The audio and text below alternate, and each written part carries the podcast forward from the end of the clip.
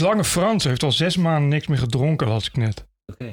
Jij zit ook, en, en jij zit ook aan de thee trouwens. Ik denk ook, eh, ik heb echt eh, ja, vrijdag weer even, omdat eh, iedereen weer in de kroeg was. Oké. Behalve Roderick Velo.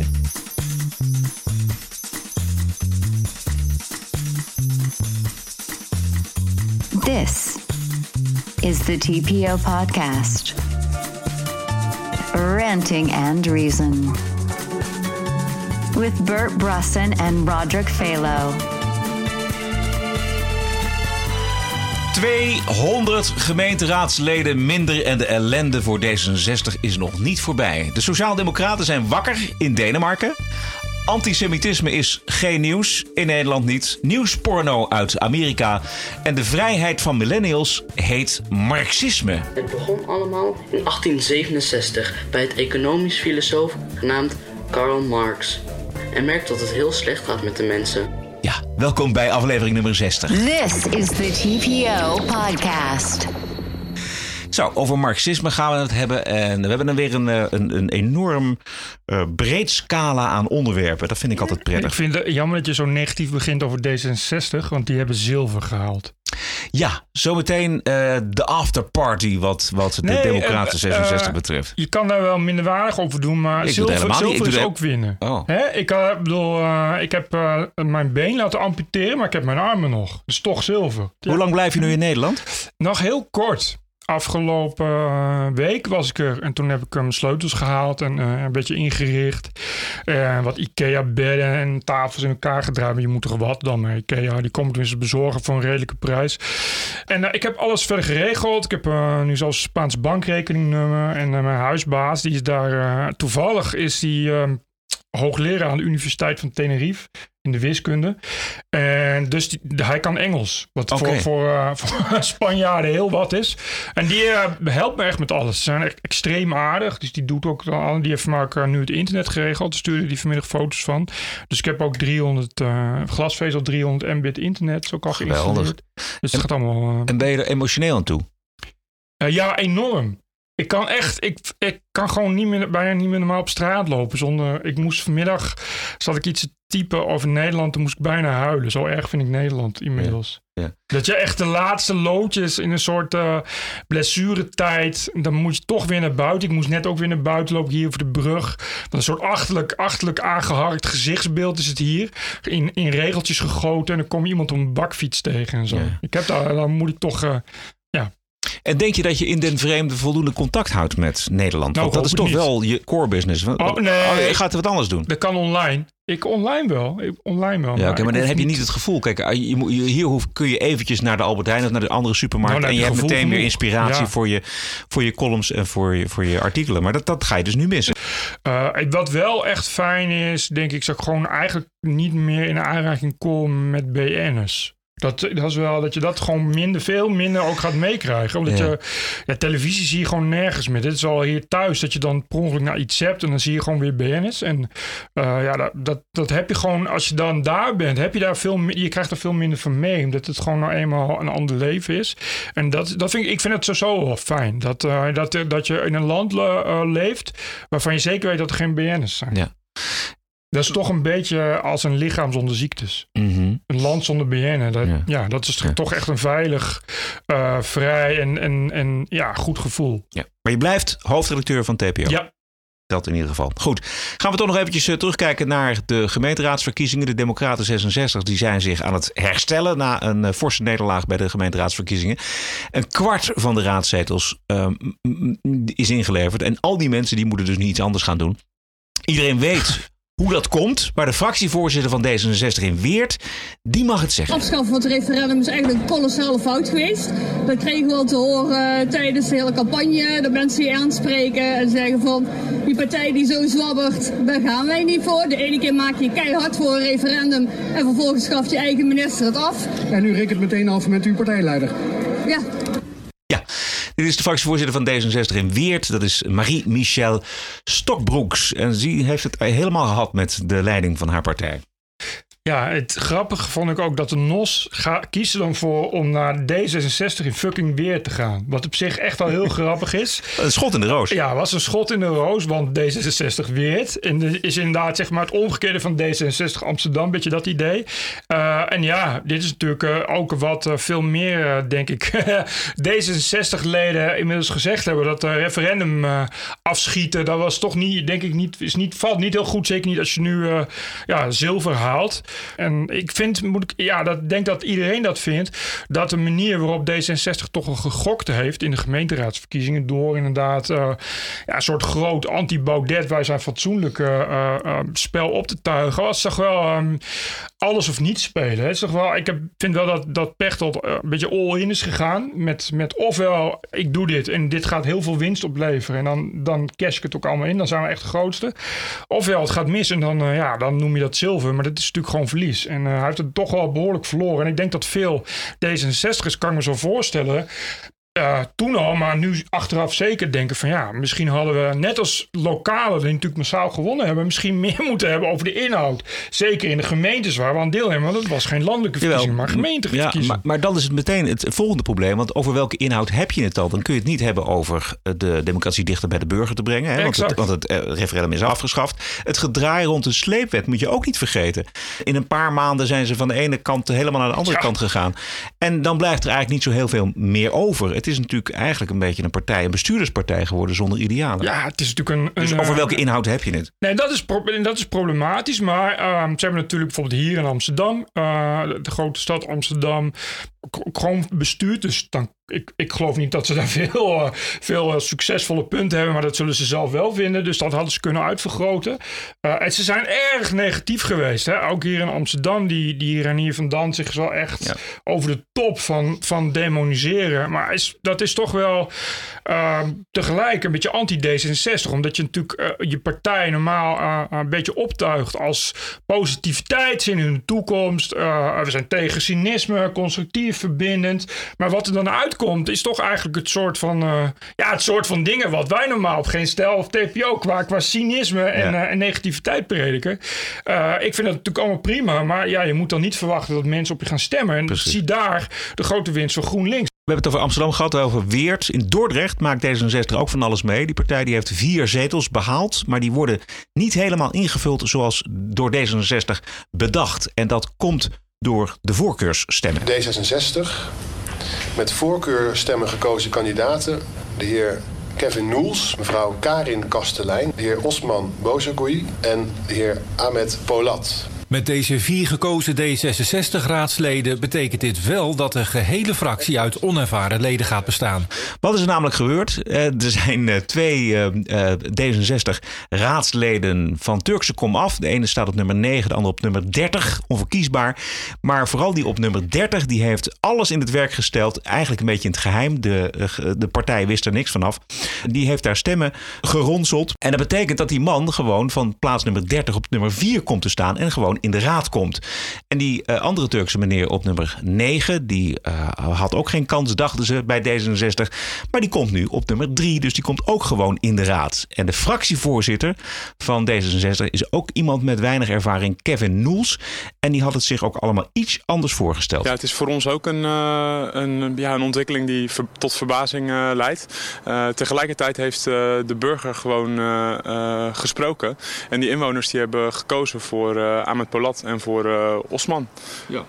Maar daarmee verdwijnt iedere ervaring die er was. Paul Tibos was nog dan degene die ervaring moest inbrengen. Jullie zijn nu uh, een fractie geworden zonder ervaring.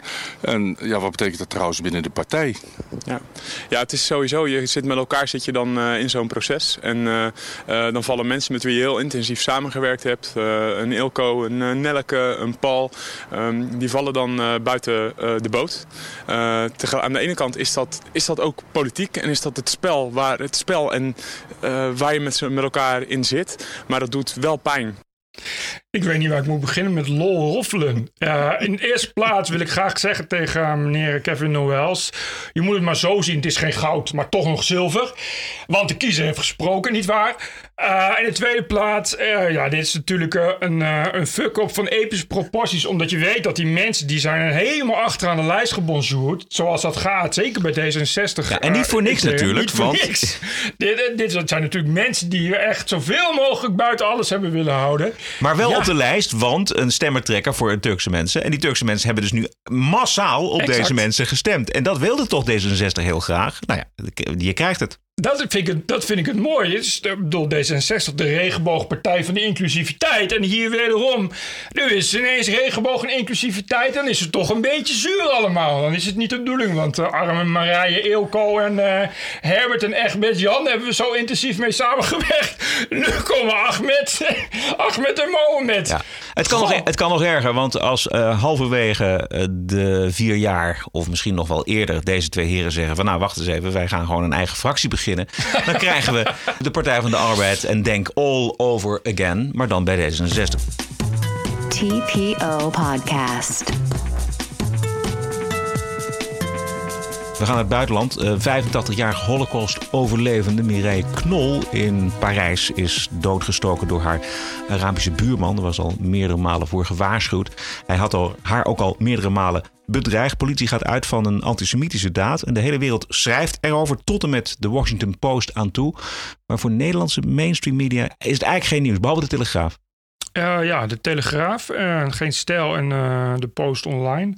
Ja, een Fok geloof ik, maar, de, weet je, maar de, dus ook nog een website, maar that's it. En, is, en dat is, zou dat een gecoördineerd zwijgen zijn, of waar we het een, een keer eerder over nou, gehad hebben? Ik geloof wel in het complot van stilzwijgen, zeker als het, als het gaat over de islam. Maar dat vind ik hier, en dat, dat is het rare, dat sluit hier niet helemaal op aan, omdat het uh, ja, dus, dus ook, het is gewoon verder, uh, het stond zelfs in de Franse Huffington Post. Nou, zo niet, niet bepaald een rechtse website, zou ik maar zeggen. En ook de Washington Post had daar een vrij scherp artikel, ja. ook, ook inderdaad, over van ja, het, er wordt kennelijk, begint het nu wel een beetje een probleem te worden met salafisme en antisemitisme in Frankrijk. En dat komt vlak nadat uh, 100 Franse intellectuelen, waaronder ook links intellectuelen, en ook een manifest hebben geschreven. En de noodklok luidde van in elk geval, pas op met het salafisme die bedreigt de vrijheid van onze republikeinse waarden. Daar, daar wordt in Frankrijk redelijk goed op gereageerd. Ik las alweer dat er inderdaad politie zeggen...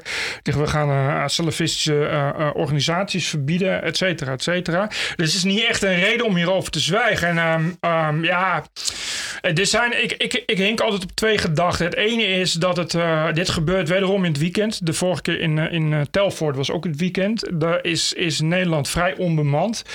zeker als het gaat om het buitenland. En wat je ziet is dat Nederlandse media nogal varen um, op ofwel correspondenten, maar die zijn beperkt in hun werk. Die hebben meer te doen, zal ik maar zeggen. Er gebeurt meer in Frankrijk. Want er was in Frankrijk ook weer een gijzeling in de supermarkt. Hè, een beetje ja. door, door IS. En die wordt wel goed gecoverd.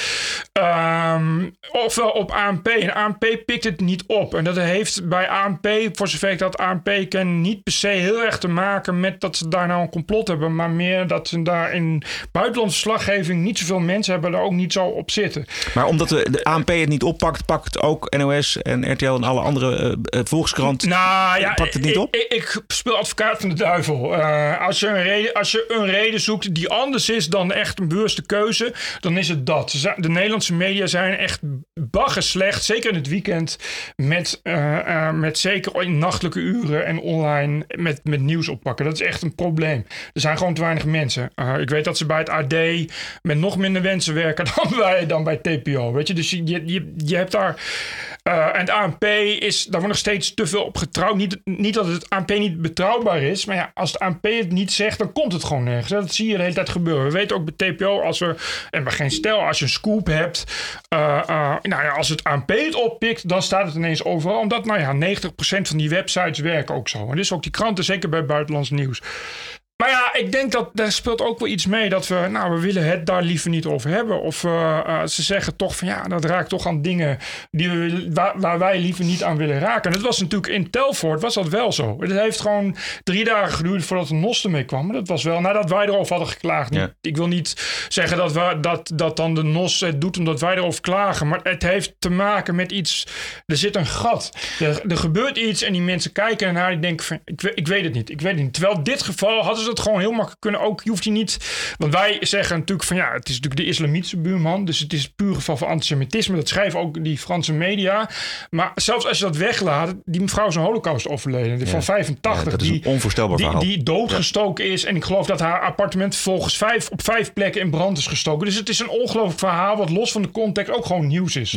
Dus je kan ook niet helemaal onder, onder, de, onder die media stilte uit. En het is opvallend dat in de rest van de wereld het wel gewoon staat. Omdat het ook natuurlijk gewoon overal staat. Dus je kan het gewoon overnemen dat het dan toch helemaal nergens staat in de Nederlandse media. En ik, en ik moet zeggen, weet je, terwijl uh, uh, het is niet zo, en dat is het raar, hè? het is niet zo dat bij de NOS, bijvoorbeeld zo'n Saskia Dekkers, is niet iemand die, die daar de laatste jaren voor wegloopt. Nee. En, en Nieuwsuur heeft toch, uh, nou, we hebben toch de laatste drie keer aardige scoops, of in elk geval dingen gehad van Nieuwsuur. Het zegt zo, die zitten er aardig bovenop. Dat was in Zweden zo, dat is in Parijs zo. Dus dat het is heel raar, maar het heeft denk ik te maken met wie er, wie er, wie er ja, wie de dienst heeft, wie de, de baas is. Nou ja, ik, misschien, misschien, ik wil er ietsje verder gaan. Want we hebben natuurlijk ook de terughoudendheid gezien bij twee aanslagen richting een uh, Joods-Israëlisch restaurant in Amsterdam. Ja. Waar het ook heel erg lang duurde voordat er volgens mij nog steeds niet uh, antisemitisme als, als drijfveer werd, uh, werd gezien. Het werd ook door de dader onmiddellijk en door de advocaat van de dader onmiddellijk gedebunked. Het verbaast mij hoe terughoudend men is over de term antisemitisme. Ja, ja daar denk ik echt, daar is ook echt een complot van zwijgen. Dat is ook echt iets, in elk geval in Nederland. We zijn Omdat dus, het altijd terugslaat op de, ja, de moslims. Wat komt natuurlijk, dan komt het bij de islam. En je begrijpt dat dat een kwetsbare groep is ja. waar we niks negatiefs over mogen zeggen. Want dat is islamofobie. Uh, in, in Frankrijk zijn ze nu verder. Maar goed, daar zijn de problemen ook groter. Dus daar kun je iets meer bij voorstellen. Uh, maar, maar, maar ik snap, kijk, dat snap ik. Dat is echt een keuze van, en dat zag je ook bij Telfort. Uh, ja, we gaan het wel brengen, want de NOS bracht het pas toen ze ook allemaal citaten konden hebben van mensen die dat allemaal ontkennen. Dat het uh, heus, zijn heus niet alleen maar, zijn heus niet alleen maar Pakistaanse mannen. Het gebeurt heus niet alleen maar door moslims, et cetera, et cetera.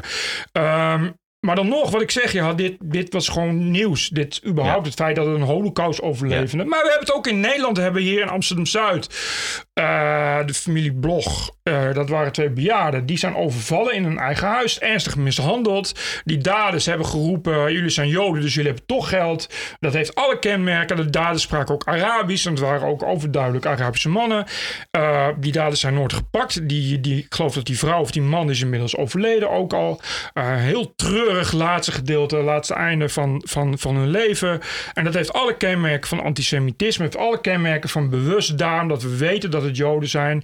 En daar is ook altijd zoveel mogelijk over gezegd. Ja, geen stijl. De, weet ja. je, de, de mainstream media geen woord. Dat is iets wat, wat gewoon niet... Ja, dat, het is gewoon het zoveelste wegkijken van iets wat er niet mag zijn. Wat natuurlijk bizar is, omdat we nog steeds in Amsterdam Joodse basisscholen hebben die moeten worden beveiligd door marechaussee. We hebben niet voor niets ja. politieposten gehad die nu weer weg zijn gehaald. Want kennelijk gaat antisemitisme binnen een jaar weer weg als vanzelf. Uh, maar er wordt, de, ja, we willen er niet over spreken. De tijden veranderen in Denemarken. Opnieuw uh, een Red Pill verslag van verslaggever Saskia Dekkers uh, van Nieuwsuur. Bert zei het al, zaterdag ging het over de nieuwe koers van de Sociaaldemocraten van Denemarken. In tegenstelling tot de Partij van de Arbeid zijn de Deense Sociaaldemocraten wakker. We created a party of People's Party. Uh, and they have around 20% of the votes, of the popular votes. That was your mistake? Yeah, fully. Uh, that was our core voters. It was working class, middle class voters who were saying to us, we have a problem with integration. And what our leadership in the Social Democratic Party to, basically told them was, you don't have a problem. Uh, you, okay, you have one problem that you are racist if you are raising your voice in any way. Hendrik Sas Larsen, eh, hij is de fractievoorzitter van de Partij van de Arbeid in Denemarken. Een opvallend verslag uh, in Nieuwsuur van Saskia Dekker, zoals gezegd. Heb je het gezien? Hè? Ja, ik heb het gekeken. Uh, het heeft ook te maken met de grote winst voor de Deense PVV. Hè. Opvallend was dat, ze, dat hij uiteindelijk aan het einde van die aflevering ook toegaf eventueel best samen te willen werken met de Deense PVV. Dus ze zijn echt behoorlijk wakker geworden. Het heeft nog 35 jaar geduurd. Zo niet langer. Maar dan is het er eindelijk ook. Je mag hopen dat de Nederlandse PvdA ook eens op stage gaat. Het zal ze heel veel moeite hebben gekost uh, om hun ego zo opzij te zetten. Door, en, want ze zeggen, hij zegt gewoon inderdaad letterlijk van ja, want da, dat was de aanleiding hè, van, van de, die verkiezingen. Die nationalisten, die PVV, uh, uh, de rechtspartijen worden groter en groter en groter. En uiteindelijk hebben ze gezegd maar wij hebben ze groot gemaakt. Wij hadden dat kunnen. En het grappige is, het sluit aan op wat. Uh, ik, ik had een gesprek in de kroeg vrijdag met iemand die zei: Ja, ik heb me zo opgewonden over het feit uh, dat in Rotterdam uh, uh, behalve, uh, behalve de SP en GroenLinks. Maar goed, dat zijn, dat zijn rare idealisme, idealisten. Maar ook een partij als de PvdA, wat, wat sociaaldemocratie... hij vindt sociaaldemocratie helemaal niet zo. Hij zegt van, nou, in wezen best goed. dat hij destijds gewoon achter NIDA aan zijn gelopen. Hè? Dat hij die, die samenwerking zijn aangegaan. Hij zegt, nou, als ik dat met mijn vrienden bespreek... dan begrijpen ze niet. Zegt ze, nou ja, dat is toch, toch, toch mooi en goed. Terwijl hij dus ook zegt van, waarom, waarom is het zo moeilijk... voor sociaaldemocraten om gewoon gewoon te zeggen: uh, jullie mogen gewoon uh, islam zijn, jullie mogen gewoon moslim zijn. En je mag ook best een moskee bouwen. Maar je moet af, we moeten weg van het salafisme. Ja, dat doen we hier niet. En we moeten gewoon, jongens en meisjes, gaan we niet scheiden. We moeten ja. gewoon, weet je, Nederlandse normen en waar. Wat is daar mis mee? Wat is ja, er mis mee om dat die mensen bij te brengen? Ja, dat is het het verslag van Saskia Dekkers. Denemarken moet zich niet meer aanpassen aan de immigranten, maar de immigranten aan Denemarken. De reportage begint in een kantine van een school, waarin na jaren weer gewoon varkensvlees vlees wordt aangeboden. Niet dat die moslimkinderen dat moeten eten, helemaal niet. Maar het wordt tenminste weer aangeboden aan de Deense kinderen die daar zijn. Ik zag dat en ik dacht van nu zie ik pas hoe erg dat eigenlijk is. Want wat gebeurt er nu? Nu zeggen ze tegen de kinderen, je kan gewoon kiezen. Als je van thuis geen varkensvlees mag eten, Prima. dan is er ook rundvlees. Juist. Of er is ook andere dingen. Terwijl je dacht van ja, waarom is dat eigenlijk raar? Waarom hebben we dat eigenlijk altijd raar gevonden? Hoe kan het dat, we zo lang, dat ze daar zo lang hebben gezegd... oh, dan halen we al het varkensvlees van het menu. Ja, letterlijk keteren richting het uh, idee dat moslims het vervelend vinden... als er überhaupt varkensvlees wordt aangeboden. Ja, nou ja, ze zeggen ook dat ze dat vervelend vinden... maar dat is het eerste ja. wat ze doen. Ja. Dan zeggen ze, nee, jullie zijn kwetsend bezig... want jullie uh, bieden ook varkensvlees aan. Maar je ziet daarin uh, hoe, hoe dat een automatisme is geworden. Ja. Hoe diep daar in Denemarken en in Nederland ook... we daarin in, in zijn, terecht zijn gekomen... en daarin geworteld en hoe normaal het ook is. Dat zag je ook uh, met het hele demon demoniseringsverhaal uh, in de gemeenteraadsverkiezingen.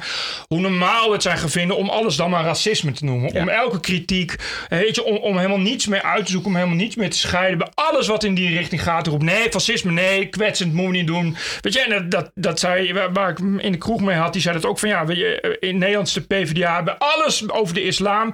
Dus ook als je, als je het salafisme bedoelt, dat niet daar, dat is gewoon een salafistisch geïnspireerde partij. Daar hoef je geen illusies over te maken. Maar als je dan zegt, als je daar kritiek op hebt, dan is het meteen ja, nee, want, want nooit meer Auschwitz. Weet je, daar is het dan meteen aan gekoppeld. En dan zie je, maar nu door dit soort details, zie je hoe ver het gaat. Hoe, ver, hoe bizar het eigenlijk is. Dat je dus als kind, er zijn dus kinderen in, in Denemarken, die hebben een hele schooltijd alleen maar, alleen maar rundvlees, nooit varkensvlees in de kantine gehad. En, en waarom? Die komen nu tot de conclusie, omdat er ja, een minderheid van mijn leerlingen uh, was moslim. Weet je? Ja. En dan, ja, hoe kun je dan nog... Dan, en in dan, Denemarken. Wat is, dan, ja, wat is dan je identiteit? Deens? Of uh, woon je eigenlijk in Saoedi-Arabië? Ja, dat is dan niet zo gek dat dan zo'n partij als de Deense PVV... die furoren maakt vooral op nationalisme. Wat in Nederland natuurlijk ook gebeurt. Wat Thierry Baudet doet, hameren op de Nederlandse normen en waarden. De oorspronkelijke normen en waarden. Ja. Nou ja, en, en, maar hoe moeilijk is het? Nou ja, wel moeilijk. Ik weet zeker dat het in, in, in Nederland... Uh, ik, ik las ook dat na de gemeenteraadsverkiezingen was volgens mij... Ik weet niet wie het zijn, maar ook iemand van van de PvdA die zei, nou eigenlijk gaan we, is wel goed, gaan we wel echt serieus. Dus je denkt, het is echt, het zit zo diep. Maar op een gegeven moment houdt het aantal zetels houden op. Exact. Uh, ik bedoel, dan is het gewoon uh, 5, 4, 3, 2, 1. En dan is het over met de Partij ja, van de maar Arbeid. dat is dus de keuze die gemaakt wordt. Dat zei die, die, eh, die, fractie, die Deense fractievoorzitter ook. Die zei van ja, je zult altijd nog hebben dat sommige mensen dat dit niet vinden aansluiten. Maar ja, pech gehad. En dat is de keuze die ze maken. En de keuze die in Nederland wordt gemaakt is... we gaan nog liever naar één zetel of naar twee zetels... dan dat we, dat we moeten gaan, mo- dingen moeten gaan doen die rechts doet. Want die zijn nou eenmaal slecht. Sociaaldemocraten hebben natuurlijk het probleem dat ze een goed mens willen zijn. Maar ja, tegelijkertijd moet je ook dus inderdaad kunnen accepteren... eh, dat er een probleem is met, eh, met, eh, met, met de islamitische cultuur. Met, met de integratie. Met eh, een, een grens aan vluchtelingen. Noem het maar op. Partij van de Arbeid had tijdens de laatste landelijke verkiezingen de kans om eh, eh, de kant van Monash, Jacques Monash, te kiezen. Want die gaat Ja. wel heel erg richting eh, Hendrik Sas Larsen van de Deense Partij van de Arbeid. Maar goed, dat hebben ze niet gedaan. Omdat Denemarken, net als Nederland, niet alle zielige mensen van de wereld eh, kan opvangen, gaan de grenzen gewoon dicht. We have to send them back to a center. Even when it's a refugee. Yeah, back to a center uh, in Northern Africa. And there we will see are you uh, having any needs of being, uh, are you granted asylum in any way? And if you are, you will be uh, transported to a United Nations uh, refugee camp. And therefore, from, from there, we can decide how many we will take to Denmark and how many we are not going to take to Denmark. Juist, dit is Denemarken. We hadden het al over Frankrijk. Eh, we zien het ook in Oostenrijk. Daar eh, heeft premier eh, Sebastian Kurz van Oostenrijk ook geroepen dat er geen plaats is in Oostenrijk voor de politieke islam. Dus delen van Europa worden wakker. En de vraag is wanneer de Nederlandse Sociaaldemocraten en linksliberalen wakker worden. This is the TPO podcast. De nieuwe vrijheid van millennials is een oude bekende, namelijk het marxisme. Deze week staat er in Vrij Nederland weer een eh, lang artikel eh, over millennials en hun hang naar eh, linksradicale gelijkheid. Je hebt het aan mij opgestuurd. Ja, het, het was ik- mij niet eens opgevallen. Nou, het kwam dat het eh, gepromoot was op Facebook. Dus eh, zo eh, kapitalistisch zijn ze bij Vrij Nederland dan weer wel. Eh, en en dat stuk zelf was verder vrij kut. Maar het ging om... Kijk, de inleiding was interessant en die klopt natuurlijk. Het was, de inleiding ging over dat communisme en marxisme helemaal hip zijn. En dat vooral millennials dat doen. En dat En Gustav Peek. En, Gustav Peek, maar die is gelukkig financieel onafhankelijk. Dus die heeft ook de tijd om eh, de mensen op te leiden. En, maar, en dat eh, in Groot-Brittannië, als nu wordt gestemd, dan krijg je Corbyn als premier, dat soort dingen. Eh, en daar had iemand die, die Anke Laterveer en verder niet zo heel geweldig stuk over geschreven. Maar het feit is dat dat communisme en marxisme dus weer populair is. En dat viel me dus op. Eh, en dat is op zich al erg. Ik bedoel, communisme is wat, 100 doden, 100, 100 miljoen doden, 120 Communisme? miljoen. Ja, We hebben Cambodja, we hebben mm, Vietnam, we hebben Rusland, we hebben Cuba, we hebben eh, eh, hoe heet dat, Noord-Korea. Het wordt allemaal gewoon weer leuk de rode lopen eh, uitgerold. Alsof het helemaal niks is. En dat is natuurlijk altijd al een beetje zo geweest bij een bepaalde groep mensen. Maar dit is een millennial generatie die zich toch de laatste tijd heeft leren kennen. Een gedeelte ervan althans. als een toch wel een enorm gefrustreerde narcistische generatie.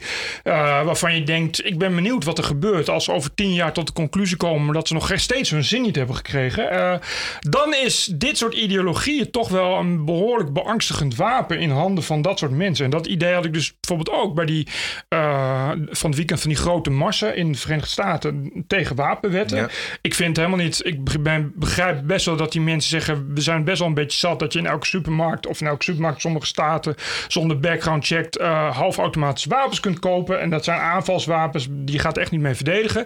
Eh, ik bedoel, dat is oké. Ik, ik ben heel erg bang dat over. Weet je, als je die, dat er wetten komen, dat zal wel lukken. Ik geloof dat Trump ook nog helemaal niet eens, niet eens daar zo heel negatief tegenover staat. Dus uiteindelijk gaat er ook wel iets veranderen in die wapenwetten.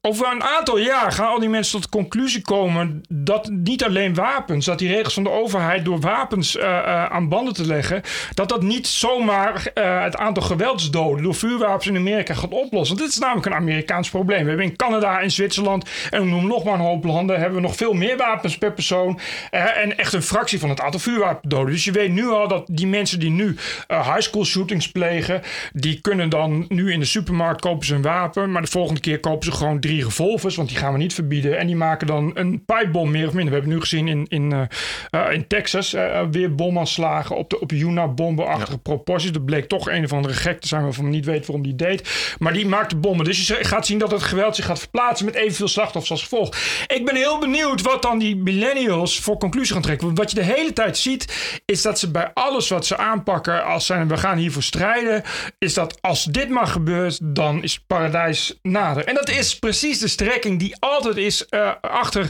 dit soort helstaten van het communisme en het marxisme heeft gezeten. Van als dit nou maar gebeurt, desnoods met geweld. Ik las van het weekend dat uh, Rutger Groot-Wassink, de GroenLinks-leider in Amsterdam, heeft gestemd op een, uh, op een, een radicale, ooit heeft gestemd op een radicale arbeiderspartij die openlijk zei bereid was met geweld een revolutie te beginnen.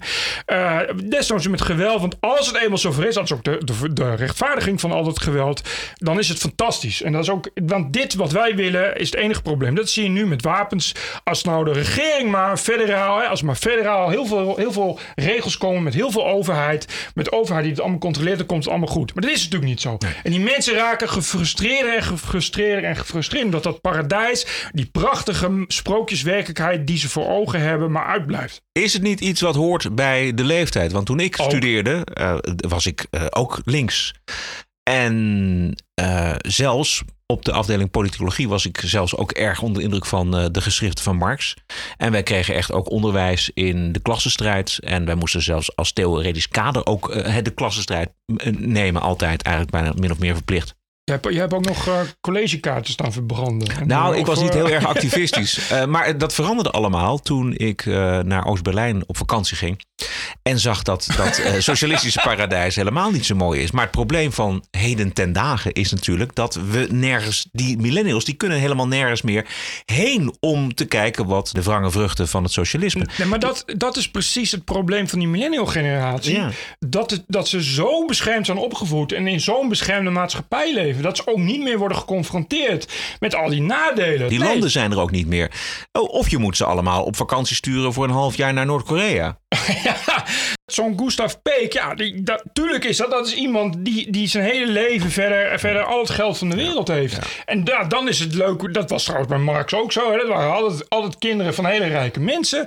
Uh, ik zag een paar weken geleden, hadden ze bij de VU hadden ze zo'n pand gekraakt. Ook zo'n een van, uh, ook zo'n een van een radicaal communist. En die, nou, die leidste daarvan is zo'n meisje met een dubbele achternaam. Ook zo'n telg uit zo'n, uit zo'n rijk baronnengeslacht. Die dan van de weeromstuit uh, radicaal links worden. Maar dat, en dat is iets deze tijd, omdat ze geen enkel referentiekader meer ja. hebben.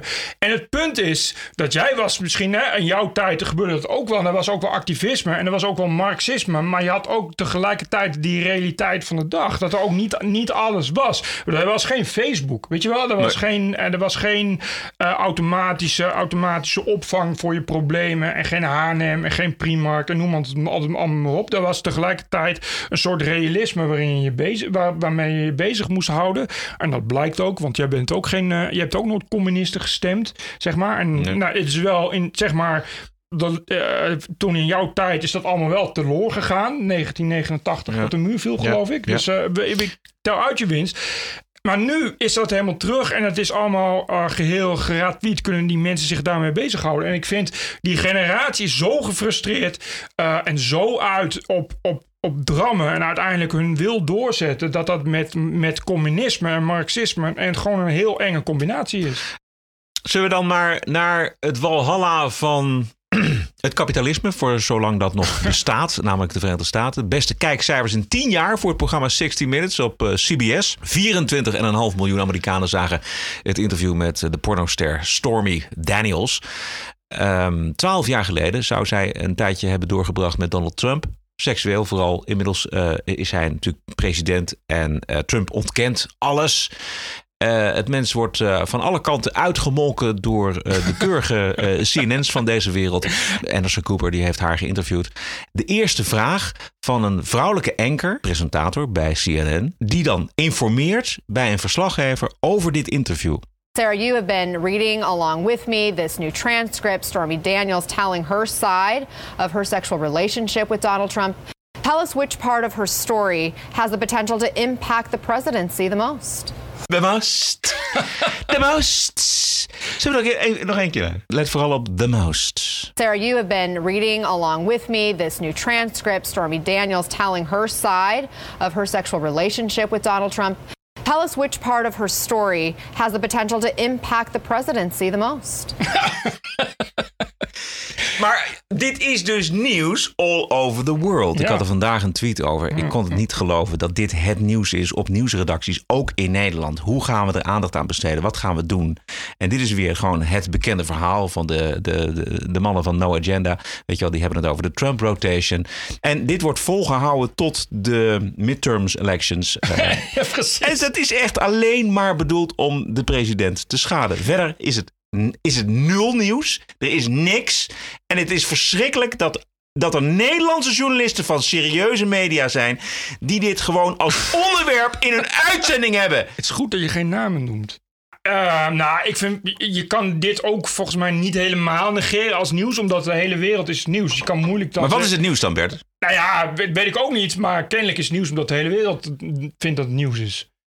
Toch? Ja, ik, nee. Maar ik bedoel, maar het is wel raar. Ik bedoel, als er in, eh, in Telfort duizend kinderen zijn misbruikt, dan zeggen ze helemaal niets. En eh, als het dus in, in Parijs een holocaust-overlijder wordt afgeslacht door islamitische buurman, zeggen ze niets. Maar nu is dat kennelijk de- wel nieuws. Maar goed, ik begrijp het wel. Dat dit trekt natuurlijk luisteraars en kijkers. Ja, maar daarom is het nieuws. Daarom. Exact. Om die 24,5 miljoen Amerikanen die kijken. Daarom is het nieuws. Het mes snijdt aan twee kanten. Je kan er kranten Ja. mee verkopen. Je kan er reclamezendheid mee verkopen. En je kan er Trump mee bashen. Maar wat je zegt, die, die Trump-protest. Ik zag gisteren ook weer op Facebook eh, een recent filmpje voorbij komen. Het is een of andere oude lul.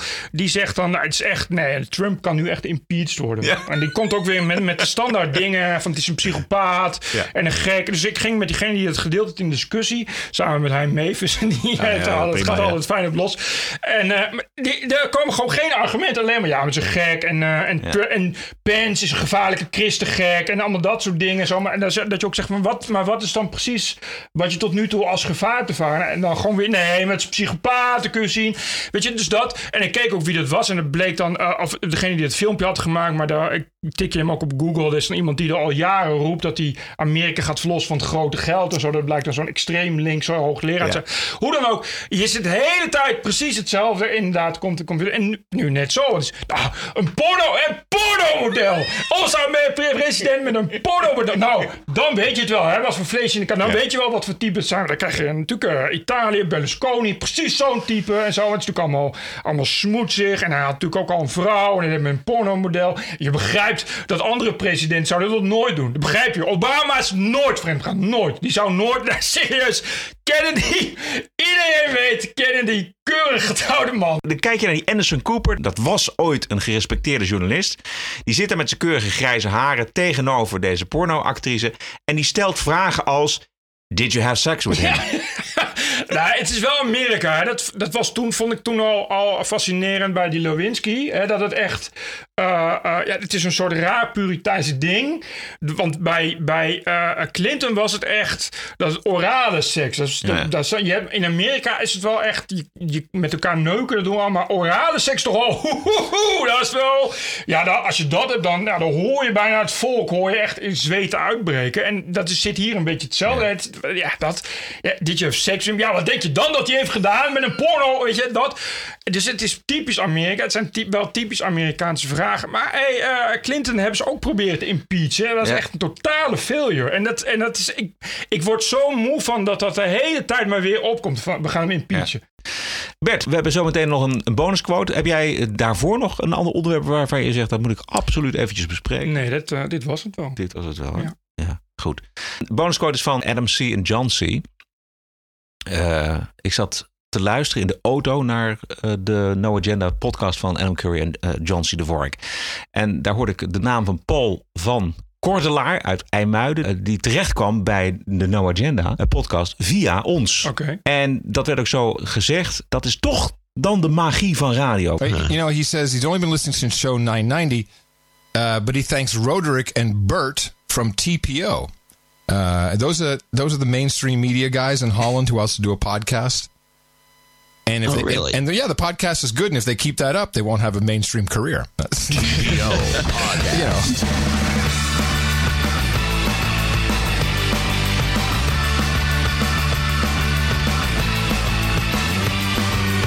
ranting and reason. If someone ever hears what they're doing, yeah, it's good. Adam Curry zegt nu over ons dat we goed zijn. Yeah. We hebben toch een beetje van hem afgekeken. Hij is absoluut een inspirator voor onze podcast.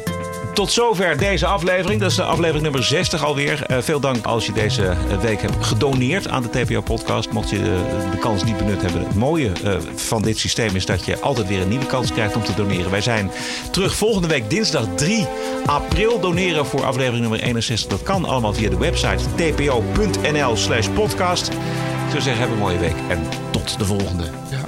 Ja. Oké, Roderick, jij ook. Jij ook, Adam. Ben je er nog volgende week? U2, John C. TPO Podcast. Bert Bruson, Roderick Balo, ranting and reason. Ik, eh, ja, volgende week ben ik er nog wel, ja. Tell us which part of her story has the potential to impact the presidency the most.